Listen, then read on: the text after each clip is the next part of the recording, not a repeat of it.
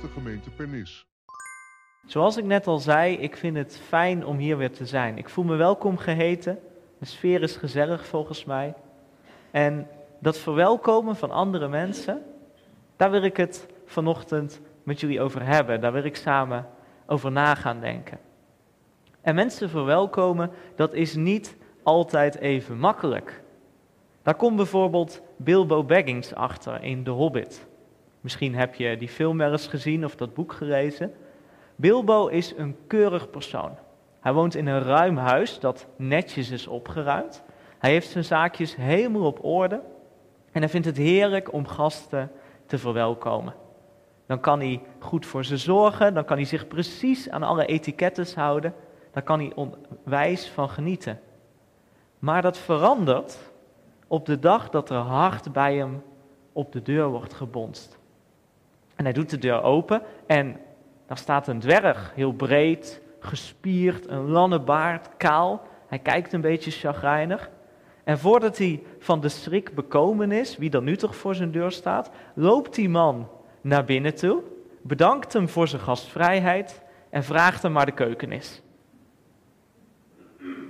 Bilbo weet niet zo goed wat hij moet doen, dus hij doet maar wat hij altijd doet. Hij zet hem op een stoel, hij geeft hem lekker te eten. En hij vraagt zich af wat hij toch met die vreemde figuur aan moet. Maar even later wordt er weer op de deur gebonst. En hij doet open en dan staat weer een dwerg. En ook die stapt naar binnen, begroet zijn vriend. En ze beginnen er met elkaar over te praten dat ze zo'n zin hebben in het feest van vanavond. En Bilbo begint zich een beetje zorgen te maken. En inderdaad, even later staat er weer een dwerg voor de deur. En dan wordt weer op de deur gebonst en weer op de deur gebonst en weer op de deur gebonst. En voor hij het weet zitten er dertien mensen in zijn huis, lekker met elkaar te lachen, lekker met elkaar te feesten, grappen te maken, boeren te laten. Ze zijn lekker samen aan het eten en als het eten op is, dan lopen ze zelf wel even naar de voorraadkamer om nog wat extra's te halen. De lekkerste kaasjes, de meest bijzondere broodjes, ze weten alles te vinden. De wijnkelder wordt ook ontdekt, daar pakken ze ook nog wat spullen. Ze vinden het dure servies van Bilbo's oma en dat vinden ze er zo mooi uitzien dat ze dat ook maar gaan gebruiken. En het wordt één grote bende. En Bilbo kan maar één ding denken. Had ik nou maar gewoon die deur dichtgelaten? Had ik nou maar gewoon gezegd dat ik niet thuis was en niet open gedaan? Het kan best wel spannend zijn om mensen te verwelkomen, om mensen binnen te laten in ons huis. Want we weten nooit wat er gaat gebeuren. Je weet niet of ze zich goed aan de regels gaan houden, of ze een beetje doen wat jij wil. Er kan van alles onverwacht gebeuren. Het kan dus verleidelijk zijn om die deur maar dicht te laten. Om het leven rustig te houden, om ervoor te zorgen dat er niks vreemds kan gebeuren. Maar we hebben dan ook de kans dat we heel veel mooie dingen mislopen. Want Bilbo die schrikt zich nu rot, maar uiteindelijk nemen die dwergen hem mee op het grootste avontuur van zijn leven en worden het zijn beste vrienden. En zo kan het ook met ons gebeuren, dat als we die deur dicht laten, als we niet open doen, als we mensen niet verwelkomen, dat we hele bijzondere dingen moeten missen. Mooie avonturen, nieuwe vrienden die we, die we kunnen maken. Maar ja, het is soms zo verleidelijk. Dan heb je druk, dan heb je andere dingen aan je hoofd. En dan zie je wel dat die nieuwe collega op je werk of die nieuwe persoon op school, dat die aandacht nodig heeft, dat hij een beetje alleen is. Maar dan kijk je toch maar de andere kant op.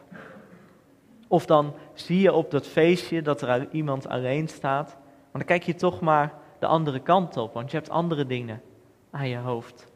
Of je ziet dat er een nieuw iemand is in de kerk, maar je wil ook nog die en die spreken, dus je kijkt toch maar de andere kant op.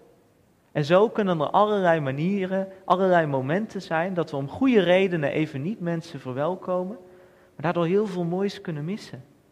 En mensen het gevoel kunnen geven dat ze niet gezien worden. Jezus gaf mensen nooit dat gevoel. Jezus deed altijd zijn best om ervoor te zorgen dat mensen zich welkom voelden. Dat ze zich gezien voelden.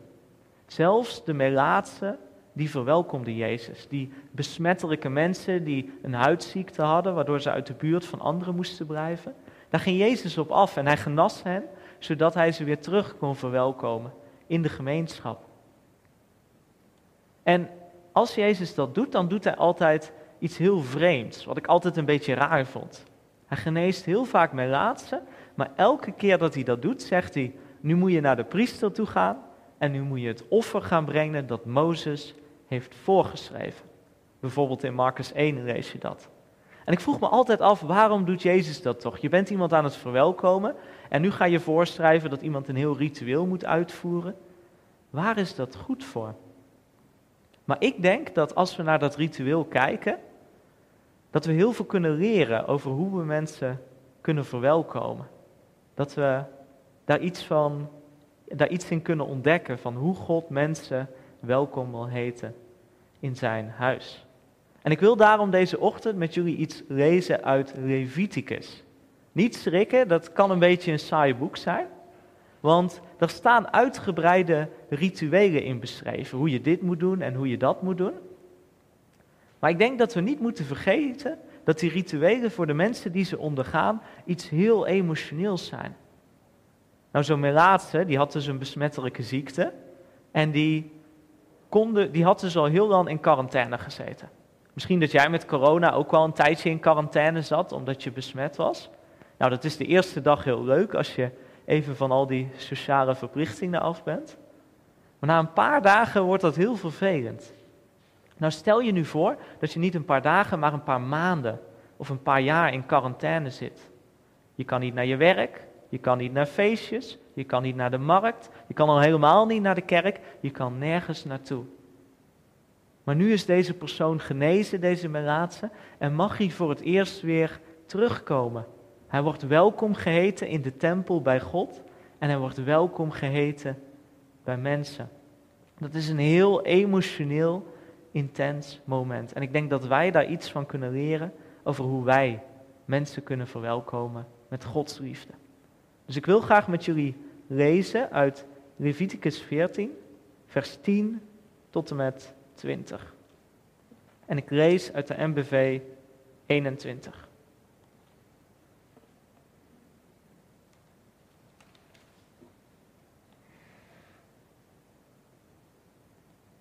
Op de achtste dag moeten melaatse twee jonge rammen zonder enig gebrek en een eenjarige ooi zonder enig gebrek meenemen en als graanoffer drie tiende eva tarwebloem vermengd met olijfolie en een maat olijfolie.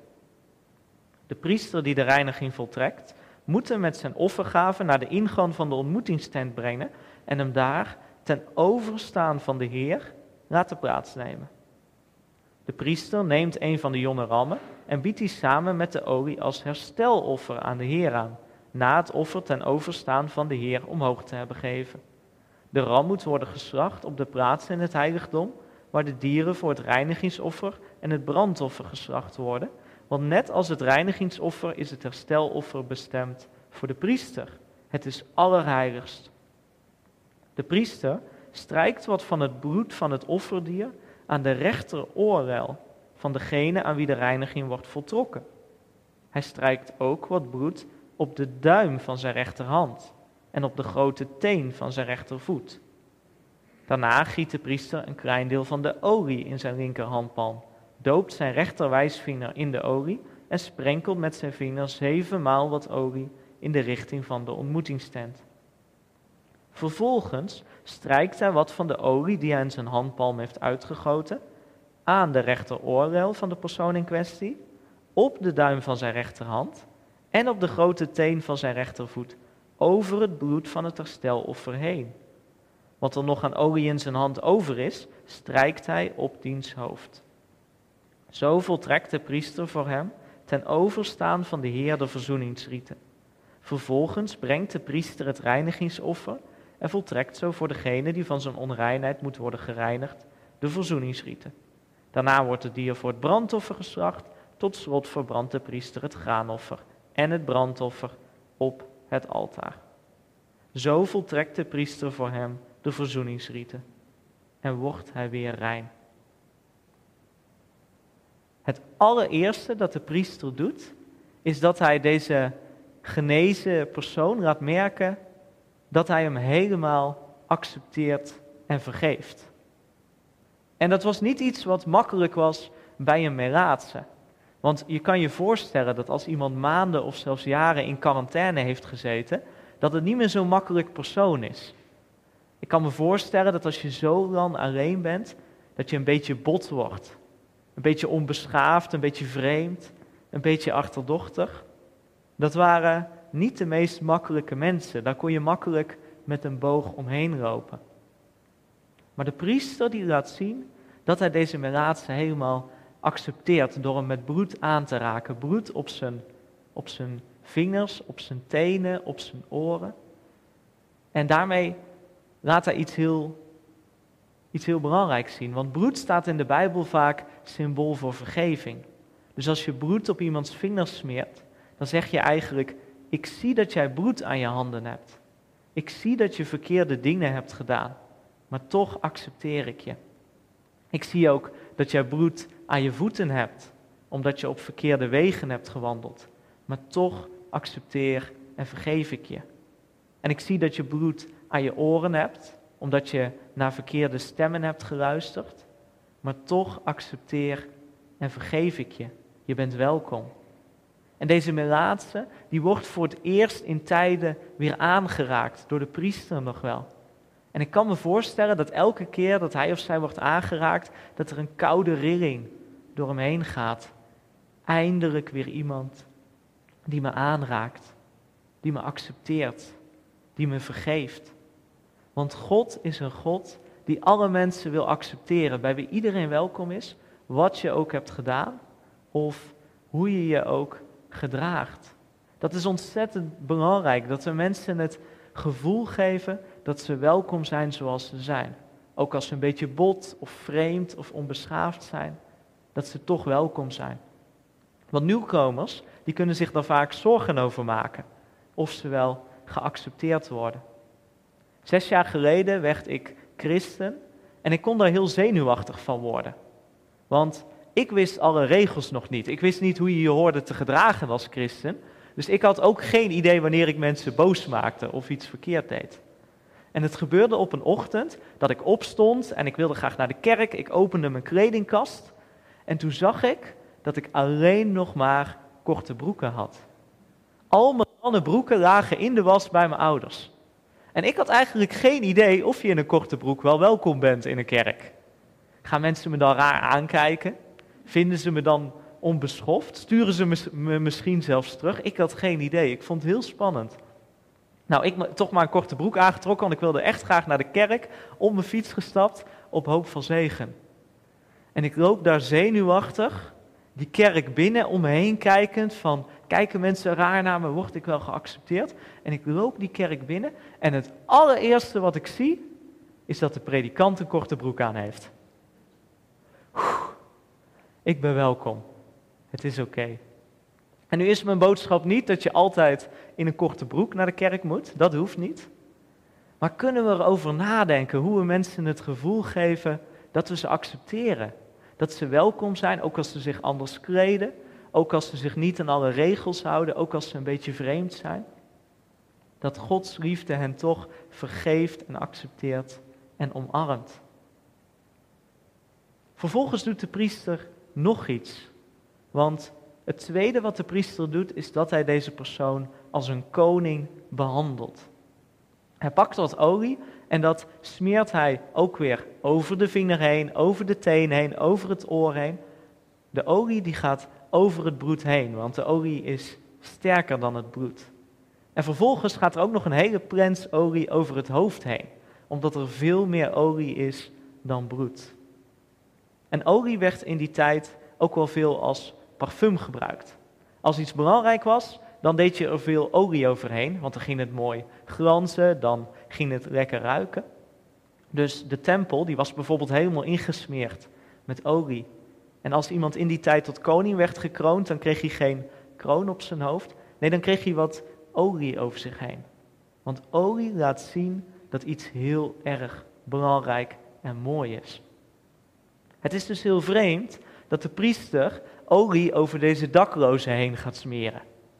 Want dit is wel de laatste persoon waarvan je zou zeggen dat hij belangrijk en mooi en koninklijk is. Die, die, die persoon die leeft al jaren in quarantaine, die, die is totaal onaangepast. Maar God die gelooft dat elke persoon als een koning is. Als er hier iemand komt binnenlopen, dan denkt God nooit, oh die is oninteressant of onbelangrijk. God denkt altijd, daar komt een koning binnenlopen. Want wij zijn allemaal kinderen van de koning in de hemel. En alle mensen hebben iets van Gods grootheid en Gods pracht in zich. Dus als je iemand ontmoet, dan is dat altijd een interessant iemand. Iemand met een bijzonder talent, een interessant verhaal. Er zijn nooit mensen die niet de moeite van jouw aandacht welkom zijn. Dus we mogen met dat vertrouwen ook mensen welkom heten. Dat ze een koning zijn, dat ze belangrijk zijn, dat ze interessant zijn. Zo mogen we mensen verwelkomen. We hebben soms de neiging om, net als in een film, mensen te verdelen in karakters en figuranten. Karakters zijn de mensen met wie je praat. En figuranten zijn de mensen die op de achtergrond lopen, die de ruimte vullen, maar waar je verder geen contact mee hebt, die je gewoon kan negeren. Maar God doet niet aan figuranten. God vindt alle mensen de moeite van het verwelkomen waard. Nou, de priester heeft deze melaatse nu geaccepteerd en hij heeft hem als koning behandeld. En de laatste stap is dat hij hem laat meedoen. Voor het eerst in tijden mag hij eindelijk weer offers brengen. En ineens ook allerlei offers. Een reinigingsoffer, een brandoffer, een graanoffer. Allerlei offers mogen weer gebracht worden. Dat was normaal voor mensen in Israël, dat ze die offers vaak brachten. En deze persoon mag nu weer meedoen. Eigenlijk is dat wel vreemd dat God dat met Israël had afgesproken, dat ze hem zo vaak dieren en graan cadeau deden. Want je zou denken dat God helemaal geen cadeautjes nodig heeft en heeft het al helemaal niet nodig dat we hem eten komen brengen. Maar God had er niet met hen afgesproken omdat hij het nodig heeft om geholpen te worden, maar omdat hij weet dat wij mensen het nodig hebben om anderen te helpen. Hij weet dat wij mensen het nodig hebben om een mooie taak te kunnen hebben, om een cadeau te kunnen geven, om iets voor God en voor anderen terug te kunnen doen. Als je wil dat mensen tot bloei komen, dan moet je ze een mooie en interessante taak geven, waardoor ze zich serieus genomen voelen. Als je wil dat mensen verpieteren, dan moet je ze ergens op een stoel in de hoek zetten. Dan zeg je, jij bent heel erg welkom, maar blijf alsjeblieft zitten, want straks maak je iets kapot. Als we mensen echt welkom willen heten, dan moeten we ook het aandurven om hen een stukje verantwoordelijkheid te geven. Of dat nou op je werk is, of op je school, of op je vereniging of in de kerk. Maar durven wij het aan om mensen een taak te geven, ook als we nog niet weten of het of dat wel goed gaat komen, of ze het wel op onze manier doen. Maar dat we laten merken, we zien dat jij talenten hebt en we hebben ook jou nodig. We willen dat jij meedoet. Dan kunnen mensen ontzettend tot bloei komen en zich helemaal welkom en serieus genomen voelen. Dit jaar heb ik stage gelopen in een kerk en ik ontmoette daar een vrouw die nog niet zo lang christen was. En het leek haar heel mooi als haar familie een keer mee zou komen naar de kerk om dat ook eens te ervaren. Maar die familie had er niet zo zin in. Maar dat veranderde op een dag dat die vrouw ontzettend gestrest was. Want die zondag zou ze de koffie en thee gaan schenken, maar de andere persoon was ziek geworden en er waren heel veel mensen. En het ging helemaal fout, ze kon het helemaal niet in haar eentje af. En toen haar volwassen dochter dat hoorde, toen zei hij, ja maar mam, dan help ik toch wel mee zondag? Ineens wilde haar dochter mee naar de kerk, nu ze een handje kon helpen. En ze had daar een hele fijne tijd, want er kwamen allemaal mensen naar haar toe die een grote grimlach kregen omdat ze te drinken van haar kregen. Ze maakte met veel mensen een kort praatje, het was gezellig. En aan het einde van de dienst zei ze: Mam, wat was het hier ontzettend fijn, ik wil nog wel eens vaker komen. Toen ze een taak kreeg, toen ze mee mocht doen, toen voelde ze zich ineens welkom. Dus ook wij mogen erover nadenken, hey, wat voor mooie, interessante taken zouden wij aan mensen kunnen geven? Om te laten merken dat we hen serieus nemen, dat we een input nodig hebben. En als we deze dingen doen, als we mensen accepteren, ze als koning behandelen en ze laten meedoen, dan voelen mensen zich serieus genomen en gezien, dan voelen ze zich welkom en dan kunnen er hele mooie dingen gebeuren. Dan kunnen ook wij op een prachtig avontuur gaan en nieuwe vrienden maken, frisse ideeën horen en nieuwe talenten ontdekken. Maar heel vaak is dat best wel moeilijk. Want ja, het is ook gewoon zo. Het is vaak genoeg dat je zelf niet helemaal lekker in je vel zit, veel dingen aan je hoofd hebt en gewoon niet de energie hebt om andere mensen te verwelkomen. En dat is ook prima. Het hoeft niet altijd op elk moment. Soms moet je eerst even voor jezelf zorgen voordat je andere mensen helpt. Want misschien vraag je je soms wel af of je jezelf wel welkom voelt op de plekken waar je komt. Je hoeft niet altijd klaar te staan voor anderen. Dat is goed om even te zeggen. Maar ik ben bang mensen, ik ben bang mensen dat we dat te vaak doen. Dat we toch te vaak denken, ik heb nu te veel aan mijn hoofd, dus nu even niet. En als ik kijk naar de geschiedenis van de mensheid, dan zie ik het lange verhaal van mensen die elkaar niet welkom heten. Die de deur in elkaars gezicht dicht doen. Die mensen niet binnenlaten omdat ze uit een ander land komen. Of omdat ze andere dingen denken over de wereld. Of omdat ze niet voldoen aan de regels van de groep. En juist omdat we zelf ook niet altijd ons welkom voelen, hebben we niet de energie om anderen te verwelkomen. En zo gaat dat, deur, gaat dat door en door. En gaan er steeds meer deuren in de wereld dicht. Maar op een dag veranderde dat. Want op een dag werd er hard op onze deur gebonst. Daar stond God zelf voor de deur. Want God is in Jezus Christus naar deze wereld gekomen om op onze deur aan te kloppen. Wij deden niet open. We hadden geen tijd, we hadden het druk met andere dingen, andere dingen aan ons hoofd. Dus hij moest nog maar een andere keer terugkomen. En toen Jezus nog eens kwam en nog eens aanklopte, wilden we al helemaal niet open doen. Want inmiddels hadden we van anderen gehoord dat hij best wel een ingewikkelde gast is. Omdat hij mensen uitdaagt om anders te gaan leven. Dus we lieten de deur dicht.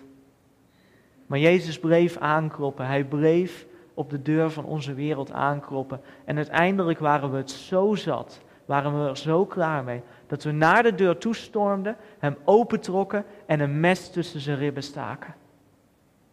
Wij hadden de kans om de God van deze aarde, de koning van deze aarde te verwelkomen. Maar we hebben hem terug de hemel in geschopt.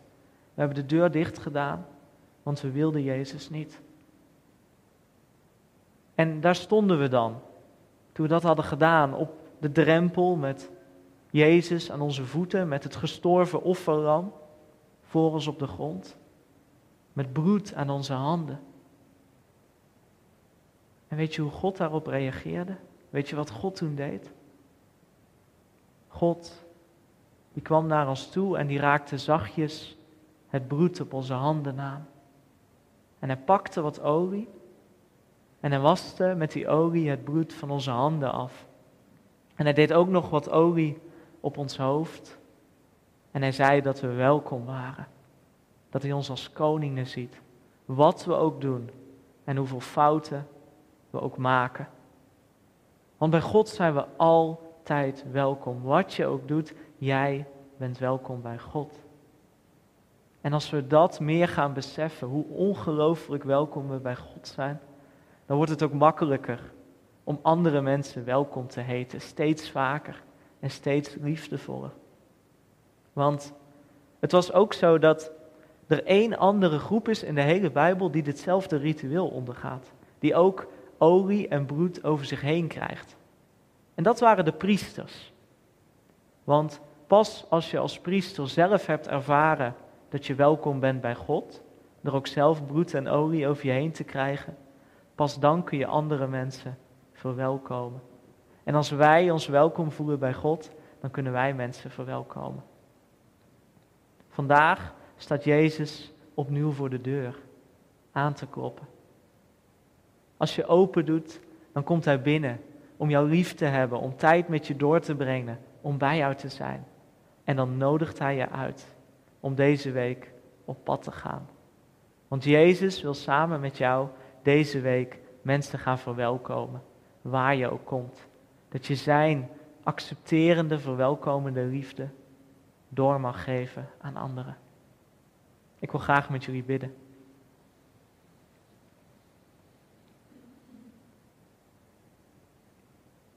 Vader, machtige God, dank u wel dat we altijd welkom zijn bij u. Als het pijn doet of als we ons schuldig voelen, dat we steeds weer bij u terug kunnen komen. Heer, help ons om dat opnieuw te beseffen. Dat u ons accepteert, dat u ons als een koning ziet, dat u ons mee wil laten doen in uw plan. En help ons, Heer, om diezelfde liefde door te geven aan anderen. Dat u het ons vertelt als u wil dat we een nieuw iemand verwelkomen komende week. Dat we dan liefdevol en geïnteresseerd mogen zijn, dat we iemand op weg mogen helpen. En mogen laten merken dat we, dat we een thuis willen zijn voor mensen. Ja, vader, ga met ons mee, want als u en uw liefde met ons zijn, dan kunnen wij zoveel meer dan we van onszelf kunnen. Dank u daarvoor, Heer. In Jezus' machtige naam. Amen.